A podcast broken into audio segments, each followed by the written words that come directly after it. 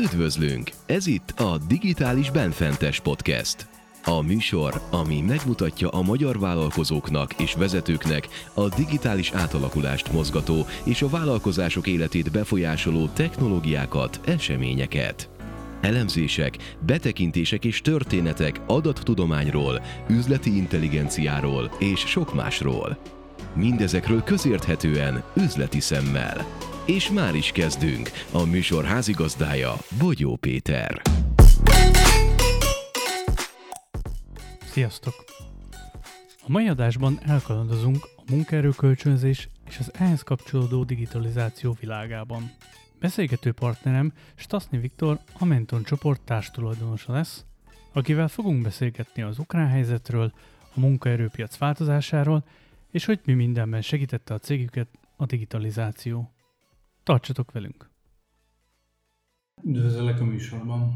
Köszönöm a meghívást! Olvastam rólatok nem régiben, illetve hát most már egy hónap, de hát az nem olyan sok idő, az ukrán helyzet kapcsán, hogy nálatok is azért ez sok mindenben változást okozott. Egyrészt egy kicsit mesél a hallgatóknak, hogy pontosan mi volt ez, illetve én arra is kíváncsi vagyok, hogy az elmúlt egy hónapban mi változott. Igen, onnan kezdeném, hogy munkaerőszolgáltatással foglalkozunk, és nagyjából egy ilyen 500 fő ukrán munkaállomány kezelünk partnereink felé, és nyilván a különböző vidékekről érkeztek Ukrajnából.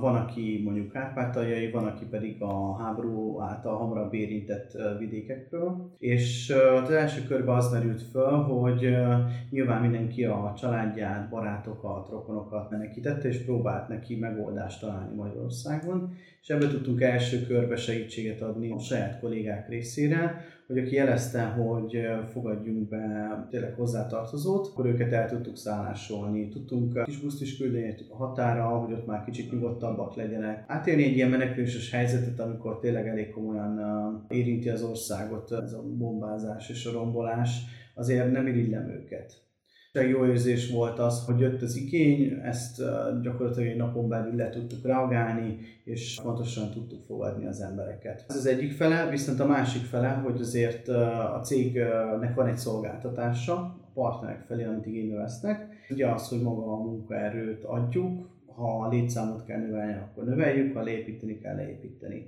A kettőt együtt menedzselni azért nem volt a háború legelején könnyű, mert nyilván ha a termelési igény megnő, akkor kellene új embereket beállítani, viszont ebben a helyzetben így lelkileg az emberek nem feltétlenül abban voltak, hogy ők most gyorsan még munkába álljanak, bár akinek adtunk szállást és ellátást, ő közülük, aki aktív korú volt, ő magától a legtöbb jelentkezett, hogy akkor tudja, hogy vannak munkahelyeink, és akkor igazából beszéljük át, hogy milyen lehetőségek vannak és nagyon jól meg tudtuk azt is oldani, hogy alapvetően mindenki gyermekekkel érkezzen, hogy esetleg ilyen csúsztatott időszakokban dolgoztak.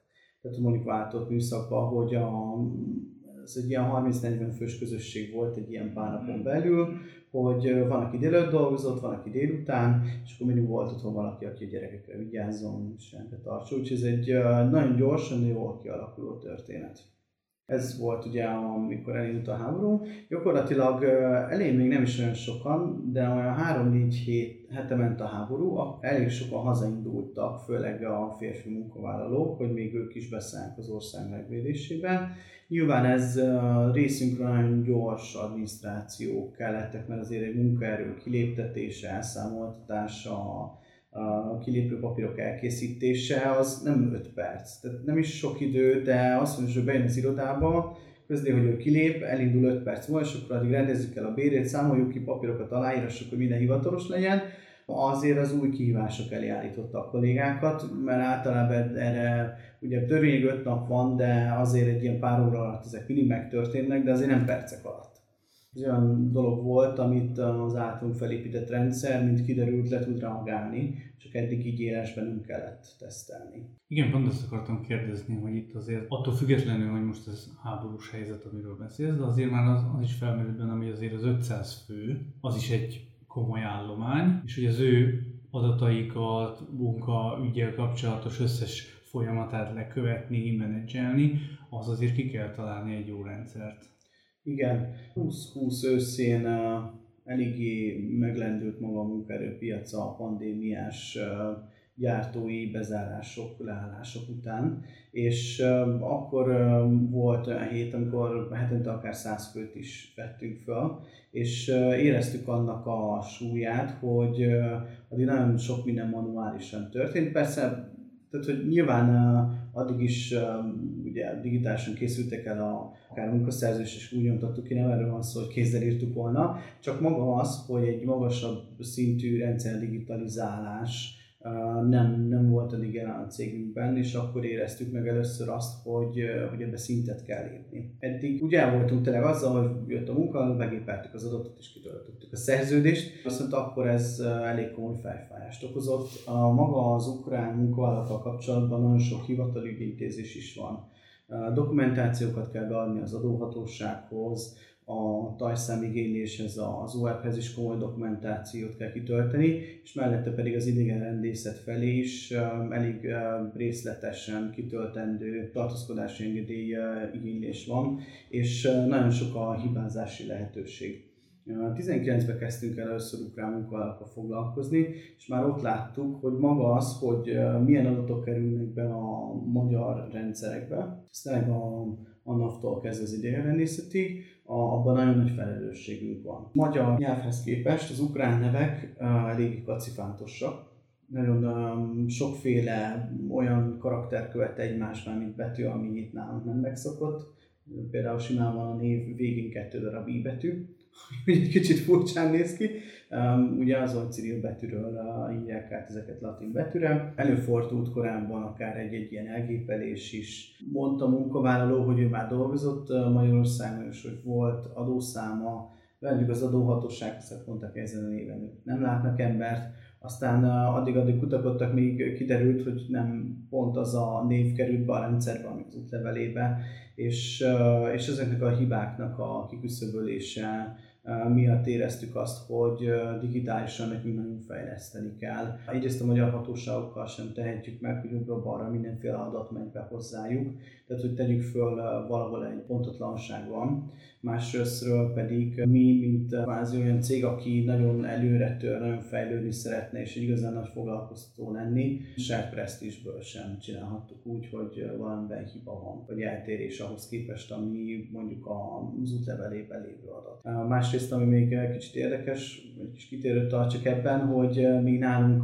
az édesanyja neve az egy természetes adat, amit mindenki tud, nem tudom, 5 éves kora óta, addig az ukránoknál ez nem fontos, és nincsenek itt benne a papírjaiba és nagyon sokszor mosolyogtunk azon, hogy ahány ügyintéző kérdezte meg a munkát, hogy hogy hívják az édesanyja, mindenkinek mást mondott.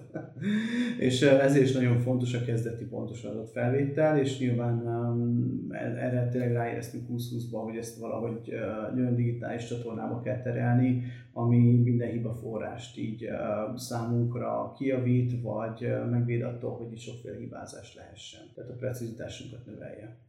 Ami egyébként még eszembe jutott ennél a amit az előbb meséltél, hogy mennyire változtak meg a folyamataitok attól, mert elkezdtetek digitális folyamatokat kialakítani. Az elején uh, nagy küzdelem volt bevallom.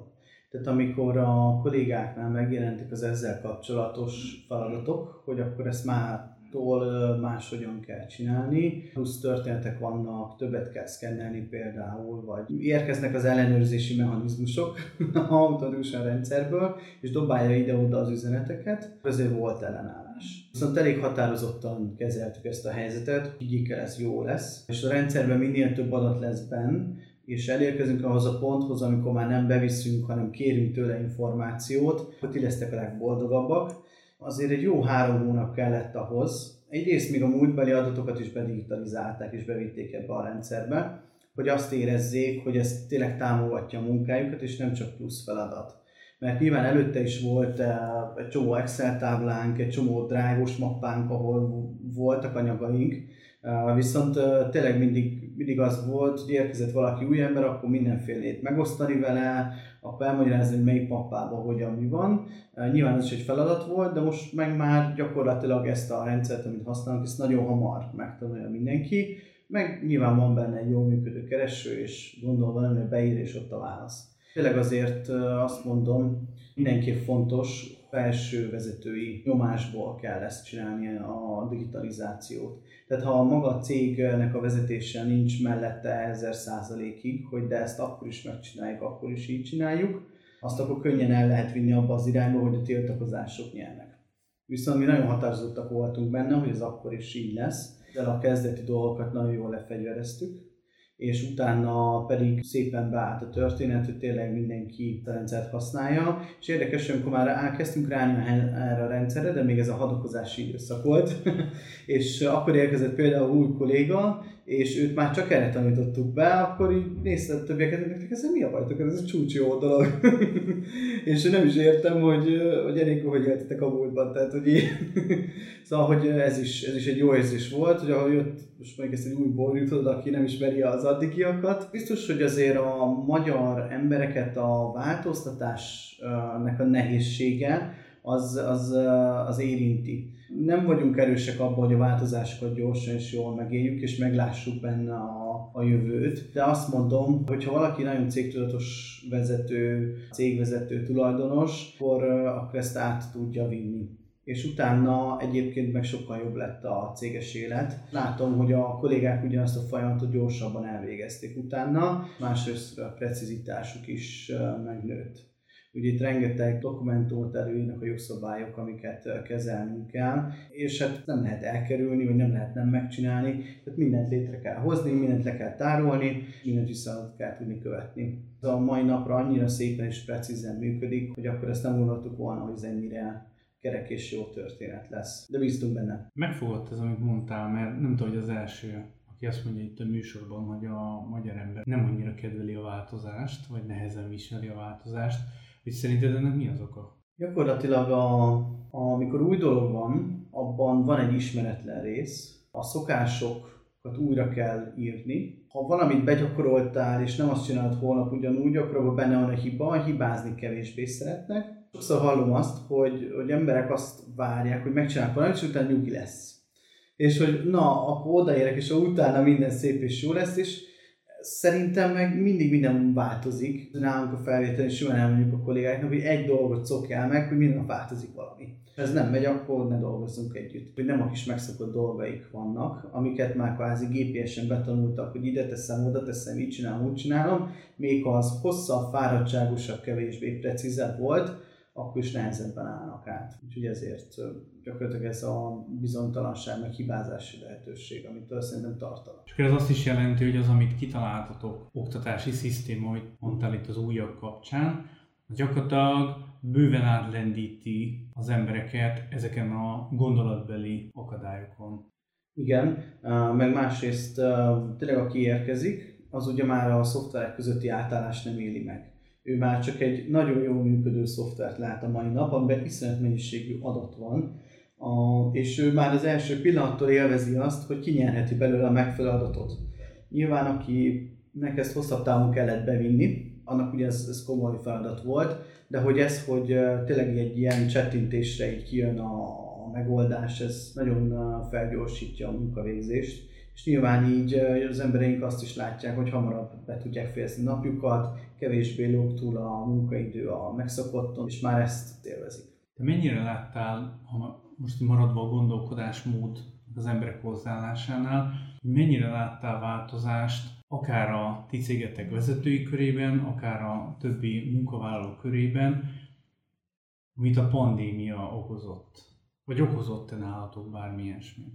Nálunk elég nagy nyomokat hagyott a pandémiás időszak. Akkor voltunk egy jó három éve szépen működő cég, és így ráadásul végig a saját tőkénkből fejlődtünk, minden évben duplázódtunk, így nyilván azért mindig ki volt számolva, hogy mikor, mire van keret.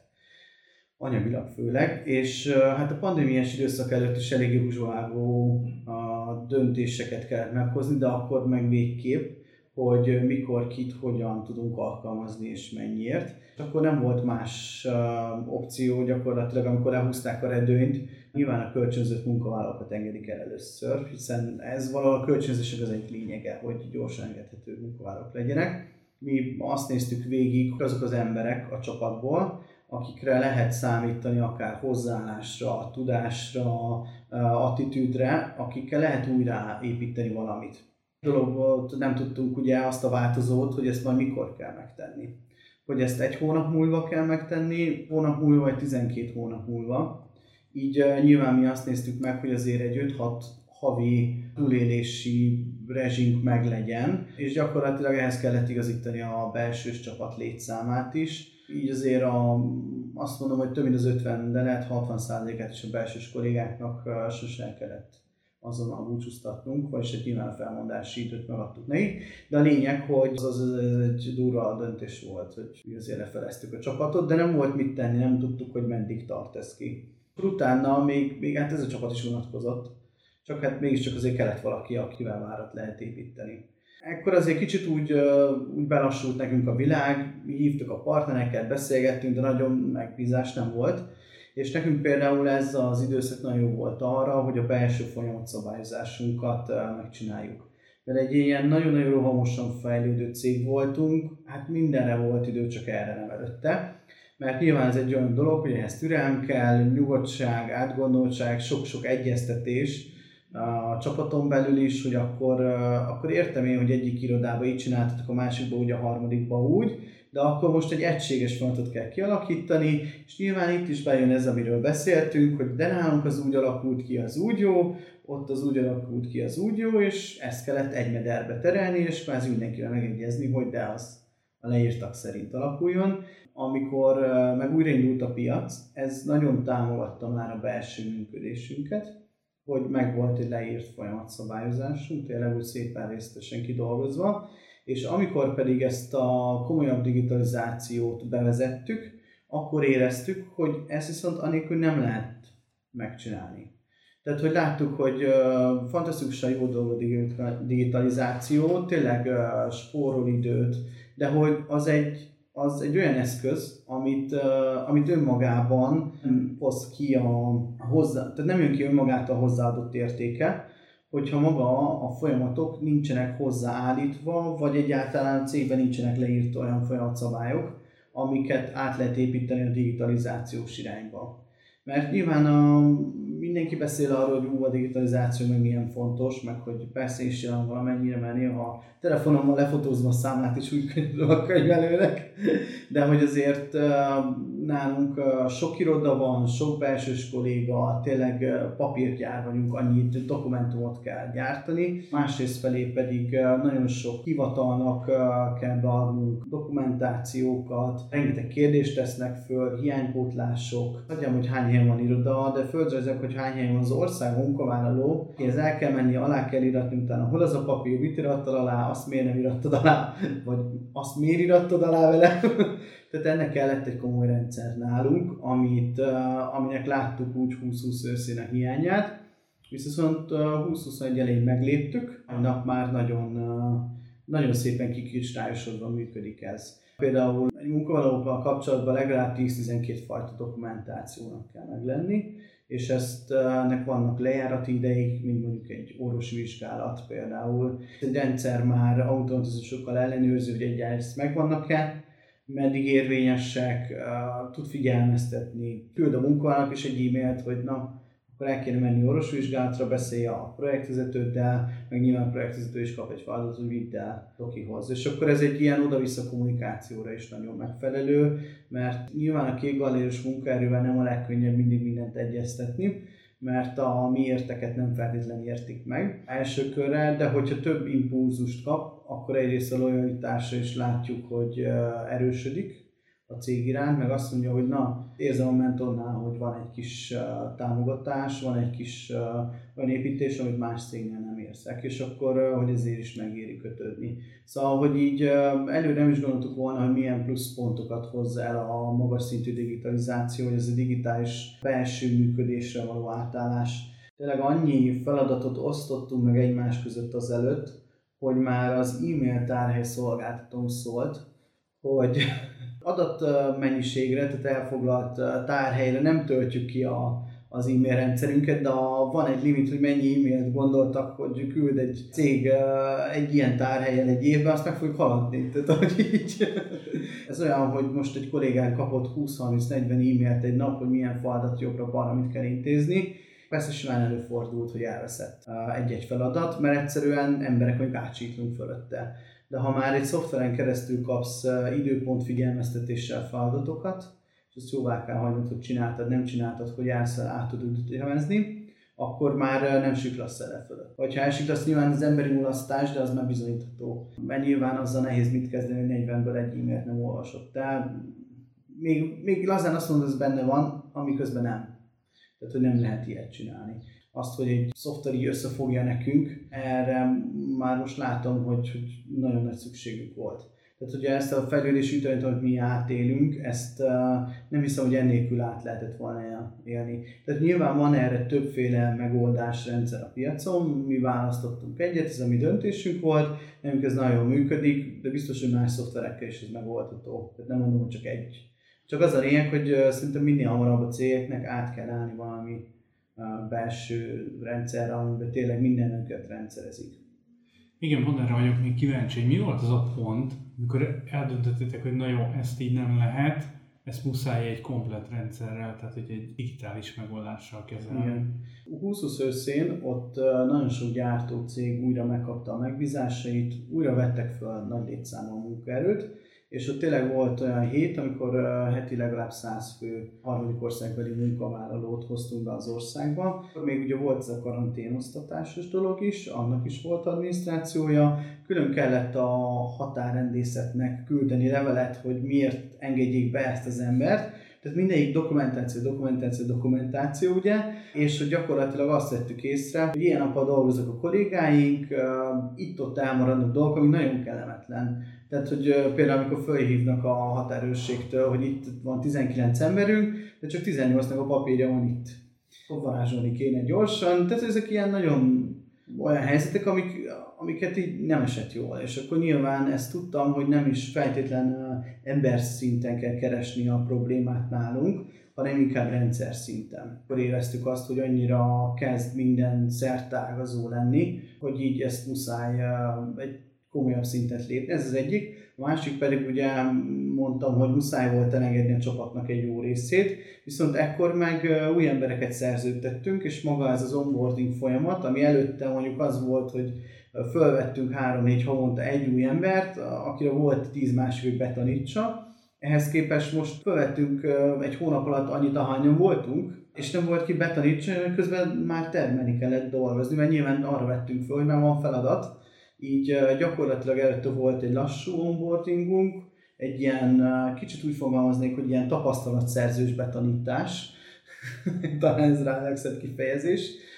viszont ott lépni kellett ebbe, hogy már ne a belső odaülök valaki mellé, és akkor úgy megtanulom a dolgokat, hanem hogy tényleg egy rendszer szintű gyors folyamat átadás legyen. Említetted itt, hogy nagy létszámban harmadik országból jönnek ugye a munkavállalók, Igen. illetve Korábban, itt még adás előtt mondtad nekem, hogy például Ázsia felé nyittok. Mit jelent ez pontosan, és ez egyáltalán honnan jött, hogy hát azért Ázsia, azért, hogy odáig kell elnyúlni, ez sok mindent jelenthet. Igen. 2016-ban jött egy jogszabályi könnyítés, hogy az ukrán és szerb munkaerőpiacról könnyített idegenrendészeti eljárással lehet munkaerőt hozni Magyarországra. Akkor már érezték, hogy a Magyarországon lévő munkaerő létszámra nem elégítik ki az igényeket főleg a fizikai munkaerőre értjük. Most nyilván ennek a problémáiban nem akarok hosszan bele, és kivándorlás, meg sok gyártócég jött ilyesmi, de a lényeg, hogy kellett a friss utánpótlása a munkaerőpiacra a 2021 végére már érezhető volt, hogy erről a két országból sem lehet már kielégítő létszámot hozni Magyarországra. Vezettek egy magasabb kategóriájú munkaerő kölcsönzési engedélyt, ezt úgy hívják, hogy minősített foglalkoztató. Kicsit hasonló, mint a kiemelt foglalkoztató, csak maga ez a munkaerő kölcsönzők számára van, és gyakorlatilag plusz 9 országból lehet ugyanúgy könnyített eljárással hozni munkaerőt. Gyakorlatilag ezek inkább ázsiai országok, nyilván közte van Kazasztán, meg Fehér is, Nyilván Fehér Oroszországban most annyira nem fontos hozni szerintem embert, viszont a Kazasztán vagy Mongolia is köztük van, de ilyen, mint Észak-Macedónia is például. Az is ismerkedünk, hogy onnan majd kik fognak érkezni, viszont tényleg ázsiaiak, görög-szigetekiek, vietnámiak és az indonéz területről, ami újabb feladatot ad, hogy ugye nagyon távol vannak földrajzilag, Nyilván ez itt is a digitalizációnak a hatalmas szerepe van, akár már az interjúztatás során is, akár egy-egy próbahegesztést nézni Skype-on azért az eléggé, hogy is mondjam, a, jó, most már a pandémiás időszakban ez most már nem akkora újdonság, de azért előtte a Skype-on keresztül interjúztatni hegesztőt és odaadni neki, vagy mond, megmondani, hogy fog meg a próbadarabot és a hegesztőgépet is csinált. Most ez már ilyen napi szintű történet. Azért ezt is kicsit a digitalizációba tenném. A másik fel, amit látunk, hogy igazából egy-egy közösségi médiába való hirdetés, amit én szintén megint a digitalizációnak teszek, mennyire nem tesz földrajzi korlátot. Tehát az, hogy most mindegy, hogy én Zalaegerszegen keresek munkaerőt, vagy az Indonéz, Indonéziába, a közösségi médiás platformnak mindegy. Csak gyakorlatilag beklikkelem, hogy hol jelenik meg a hirdetés, nyilván nem magyarul kell megírni, azért arra illik odafigyelni, de hogy így, így ez a digitális világunknak a nyitottsága. Tehát úgy tudok, nem tudom, pár ezer kilométerre lévő országban embereket toborozni, hogy ki sem mentem a szobából. És azért ez egy fantasztikus dolog, hogy erre vannak ilyen, ilyen rendszerek. Csak uh, nyilván utána azért uh, maga az interjúztatás meg a leválogatás az egy más uh, szintű feladat, viszont nagyon érdekes része is a digitális világunknak. Akár úgy is lehet egy országból hozni munkaerőt, hogy azt tudom, hogy néznek ki ott az emberek. vagy milyen világban élek, mert már nem ez a fontos annyira világ is egy kicsit elfogadóbb lett, tehát most nem azt nézzük, hogy épp milyen szem vagy ilyesmi, hanem az, hogy ő is végezze a munkafeladatokat.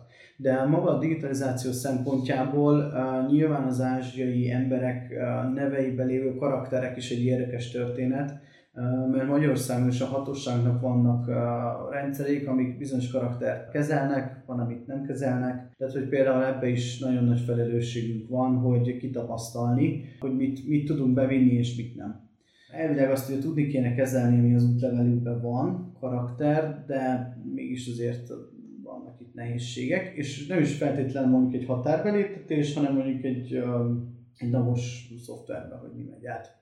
És uh, itt is visszatérnék ahhoz, hogy uh, itt is nagyon fontos a mi digitális felkészültségünk, hogy eh, tényleg ugyanazzal a karakterállományjal menjen tovább minden.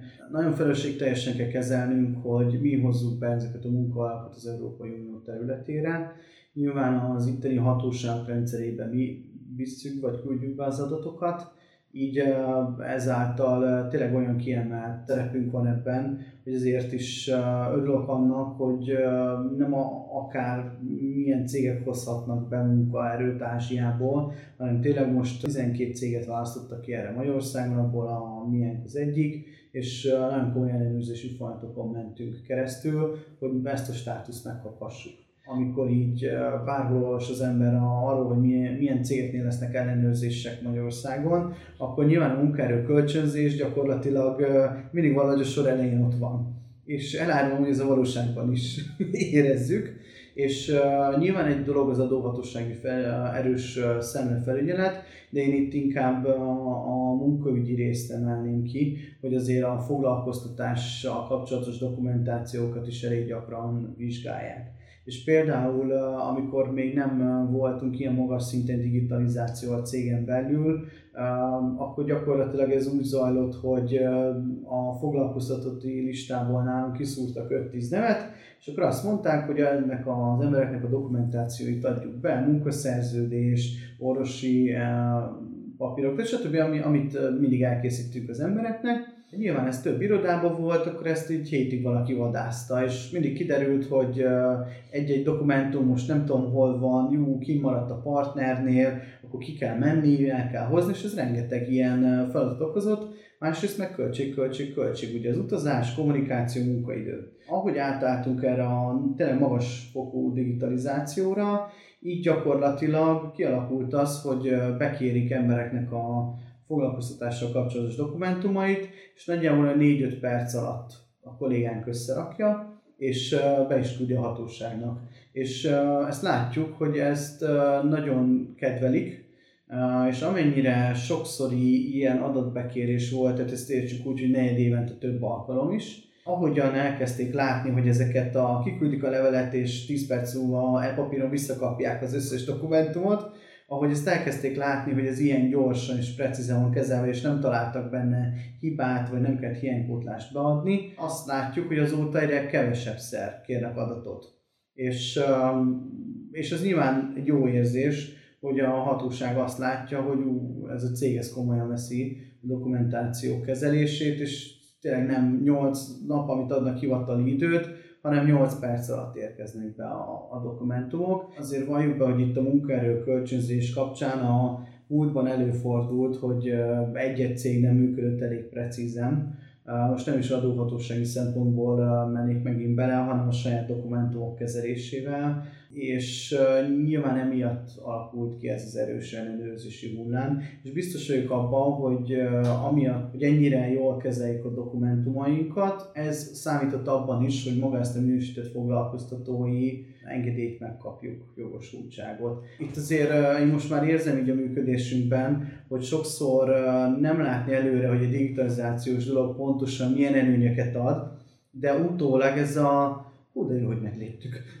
érzés azért megvan, és ezért is mondom, hogy ezt nem szabad elhanyagolni, és mi is megléptünk egy szintet, és már azon ötletelünk, hogy akkor hova tovább, akkor mit lehetne még, mert uh, nyilván az egy helyben toporgás, az, az nem a mi stílusunk, és uh, mindig azt nézzük, hogy ezt mikor lehet növelni. Ezért én sokszor mondom a, azokkal, akikkel erről beszélgetek, hogy ezek egyrészt lehet, hogy távolról nézve nagy költségek, de én pontosan látom, hogy itt az adminisztráció felgyorsulása, hány kollégát e meg az adminisztrációs munkától, elmehetnék abba az irányba, hogy hány kollégának a bérköltségét spóroltam meg, de inkább abba megyek el, hogy valljuk be, hogy a világon kevés ember van, aki a papírmunkával szeret napi 8 órával foglalkozni, és látom saját embereimen, hogy inkább olyan feladatokat tudnak ehelyett csinálni, ami által sokkal élvezetesebb a munkakörük, nem csak ezt a hideg az adminisztrációt csinálják egész nap.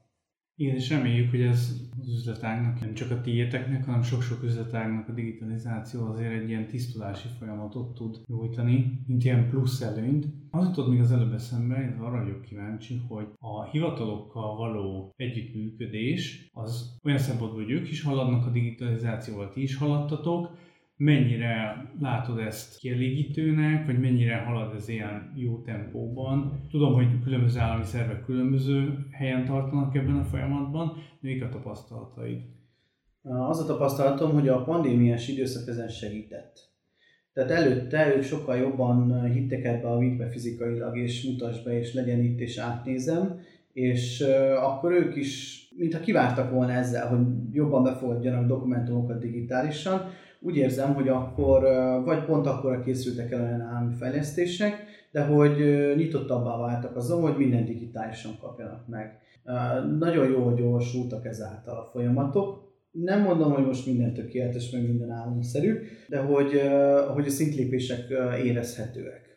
Tehát az elmúlt öt évünkben azért látjuk, hogy a hivatalokban mik, mik fejlődtek, és azt mondom, hogy a mi frontokon mi vagyunk együttműködésben a hivatalokkal, ott érezzük az előrelépést. És nagyon fontosnak tartom, hogy ők se álljanak meg ezen a szinten, hanem menjenek még tovább. Ez az e-papíros rendszer is, nekem az is szimpatikus, egész, egész jól működik, tehát nem megy félre üzenet, minden megérkezik a megfelelő helyre, a megfelelő mappába, emberhez kerül kidelegálásra, úgyhogy például azzal mi elég vagyunk. Mi az, amit ezekből, mint ilyen tanulság, ha végig gondolod akár azt, hogy megcsináltatok a folyamatokat, megcsináltátok a digitalizációt, most már van tapasztalat, elég sok belőle. Mi az, amit tudsz tanácsolni, hogyha valaki, aki most hallgat minket, és azt mondja, hogy ez izgalmas, akkor ezt tényleg meg kell csinálni, mi lenne az a, az első három dolog, amit javasolsz neki, hogy így induljon neki. Minél vágjon bele, az az első, de nyilván azért körültekintően. Nálunk sokat segített a folyamat szabályozás, hogy az elkészült. Tényleg azt körültekintően kiválasztani, hogy milyen rendszer lesz számára jó. Itt uh, mi láttunk olyan ingyenesen elérhető rendszer bizonyos user számig, ami, a, ami nagyon kiváló és uh, sok folyamatot lehet benne csinálni. Tehát hogy az is fontos, hogy nem mindenképpen a fizetős szoftverben kell gondolkodni. Mi ugye 17 elején léptünk nagyobbat itt az elindulásban, akkor nekünk már nagyon nagy előnyünk volt, hogy már mindent felhő alapú szoftverben végeztünk így tényleg bármilyen eszközről lehet megtekinteni vagy intézni dolgokat. Ajánlom nagyon. Másrészt, amire mi odafigyelünk, hogy azért ne használjunk túl sok platformot. Mi négy felhő alapú szoftverrel lefedjük a teljes működésünket. Itt eh, értem azt, hogy van egy, ami a, számlázás, bejövő számlák kezelését. Ott egy eh, viszonylag eh, egyszerű szoftvert használunk, egyszerűen néz ki, olyan, olyan jó kimutatásokat ad a mai méret működésünkhöz, tehát hogy, hogy érdekes, hogy kiszolgált akkor is minket, amikor uh, évi 100 millió forint árbevételünk volt, meg most, hogy 3 milliárdos árbevételünk van most is, és látom, hogy a dupla meg tripla méretnél is megadja a megfelelő adatot. Tehát inkább ne esünk bele abba a hibába, hogy mindenképp egy drága megoldást keresünk, tehát hogy vannak költséghatékonyak is. Én magamon érzem, mert én nem vagyok ez a legprecízebb ember, és néha vannak elmaradásaim így administratív téren. Mindenképp kell mellénk valaki, amit támogat ebben. Mert egyrészt nagyon szerte ágazó világot élünk, rengeteg impulzus jön, akár elkezdesz dolgozni egy, egy feladatodon, de közben jön egy üzenet, egy valaki fölhív, vagy csak fölugrik eléd egy hír, és azt elolvasod, és elviszi a figyelmedet ezért is fontos egy ilyen feladatkezelő rendszer, hogy a fókuszt tartsa. Ezt, amit még én szívesen tanácsolnék, mert nagyon-nagyon könnyedén el lehet veszteni a fókuszt, és rengeteg minden el tudjuk magunkat foglalni, és csak azt érezzük nap végén, hogy hát egész nap el voltunk, de hát ugye gazdasági társaságot üzemeltetünk, így nyilván annak a gazdasági eredménye határozza meg azt, hogy mennyire voltunk sikeresek, nem azt, hogy mennyire voltunk elfoglaltak. A papír meg a környezetvédelembe is egy kicsit belemennénk, azért én már nagyon szeretem, mindent kell nyomtatni, és azért is inkább mindent szeretek. Szeretek gépen megoldani, igen. És, és élvezem is, hogy meg tudom oldani, gépes nem kell hozzá tényleg fizikális dolgokat kinyomtatni. Mi az, ami a mostani időszakban, vagy az elkövetkező időszakban szerinted kihívás lesz? Nem csak konkrétan a ti piacotokra gondolok, hanem mint így abban a formában még ti is KKV vagytok, hogy így belefértek ebbe a definícióba, hogy mi az, amit látsz, vagy mi az, amire készülsz, hogy na, ez nekünk még itt előttünk álló hegy.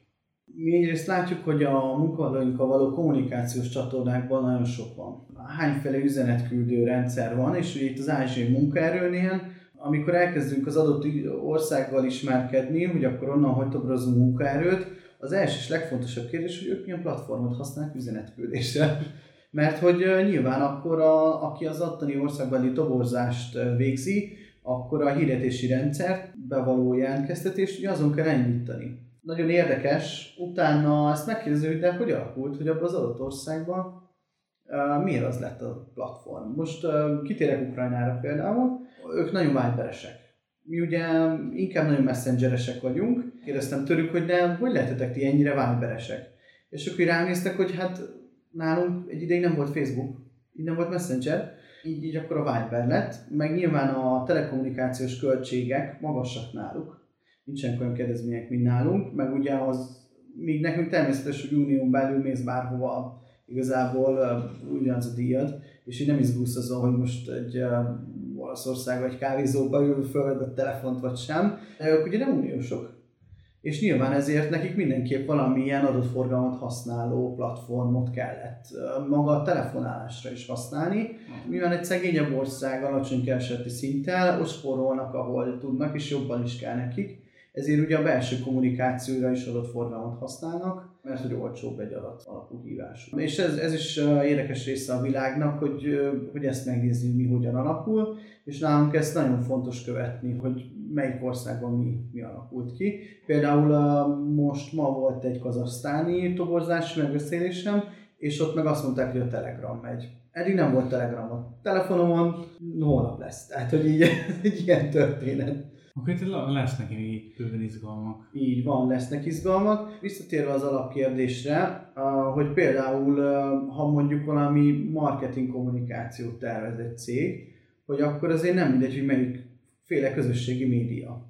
Ugye van, ami nagyon újdonság, van, ami már azt mondják, kezd kifutni, de, de hogy most tényleg kezd kifutni?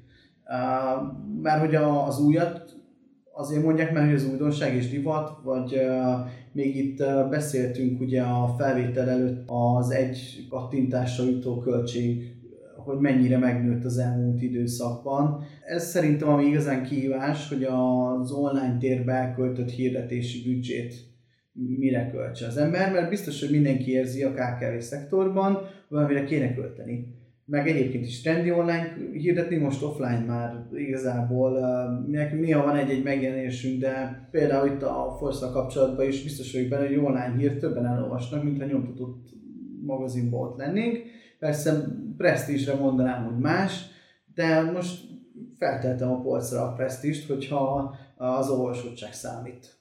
Tehát, hogy így, és e-, ez, ezekbe való kiigazodás szerintem, ami egy, egy nehézség a KKV szempontból, ami is a jövőben is nehezebb lesz, mert ahogy bizonyos közösségi médiás platformok ugye kialakultak, van, aminek hosszabb volt a felfutás és a virágzása, és valószínűleg ezek minél gyorsabban jön majd egy újabb, és gyorsabban levirágzik. Szóval ez, ez még nekem is egy kihívás, hogy tényleg melyikbe, mekkora energiát és büdzsét tegyünk.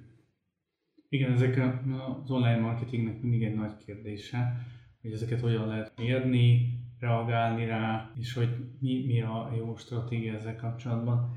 Elérkeztünk a műsornak az ajánlói szekciójában. Uh-huh. Itt mindig arra kérem a vendégeket, hogy ajánlanak olyan könyvet, előadást, filmet, bármit, ami szerintük segíthet abban, hogy a digitalizációt, főleg a vállalati digitalizációt ne egy ilyen jövőbeni, skifiszerű dolognak gondoljuk, hanem hogy lássuk meg, hogy ez itt van, ebben élünk, és lehet, hogy észre se vettük, bár magánszemélyként mondjuk használjuk akár a közösségi médiát, otthon Netflixen nézünk filmet, és rendeljük a, a, kaját mobiltelefonról. Te mit ajánlanál? Én egy üzleti körnek vagyok a tagja, ahol bizonyos árbevétel alapján szegmentálják a, a cégeket, és az alapján vannak csoportok. Ilyen hónapra hónapra vannak vacsorák, és ott aktuális témákba, vagy a csapatot érintő témákban vannak előadások, amik utána podcast formájában elérhetőek. Nagyon érdekes, hogy, hogy egy-egy előadó is, ha tudja, hogy milyen méretű cégek vannak ott, akkor más, hogy adja elő a, a dolgot, maga témáját, mert hogy más hogyan um, kíváncsi valamire, vagy máshogyan érinti egy olyan céget, akinek mondjuk van egy 100 millió forintos éves árbevétele, meg olyan, akinek van egy 5 milliárdos, és annak a tulajdonosa hallgatja ezt, tehát hogy nyilván más gondolatok mennek át, más foglalkoztatja a cégméretből adódóan. Én nagyon ajánlanám, hogy ezeket hallgassák vissza, ezeket a felvételeket. Gondolom bátran mondjam el, hogy ez a bizalmi körnek hívják, és neki van egy podcast csatornák, és ott ezt vissza lehet hallgatni. Én ebből nagyon sokszor inspirálódok ilyen téren. És azért is mondom ezt így, mert biztos a hallgatóság között sem mindenkinek ugyanakkor a méretű cége van, akár belsős létszámra, akár működésre. Nagyon szépen köszönöm, hogy beszélgettünk. Én is köszönöm a meghívást még egyszer. És hogy megosztottad a tapasztalataidat. Hallgatóknak is köszönjük a figyelmet. Nem sokára folytatjuk. Sziasztok!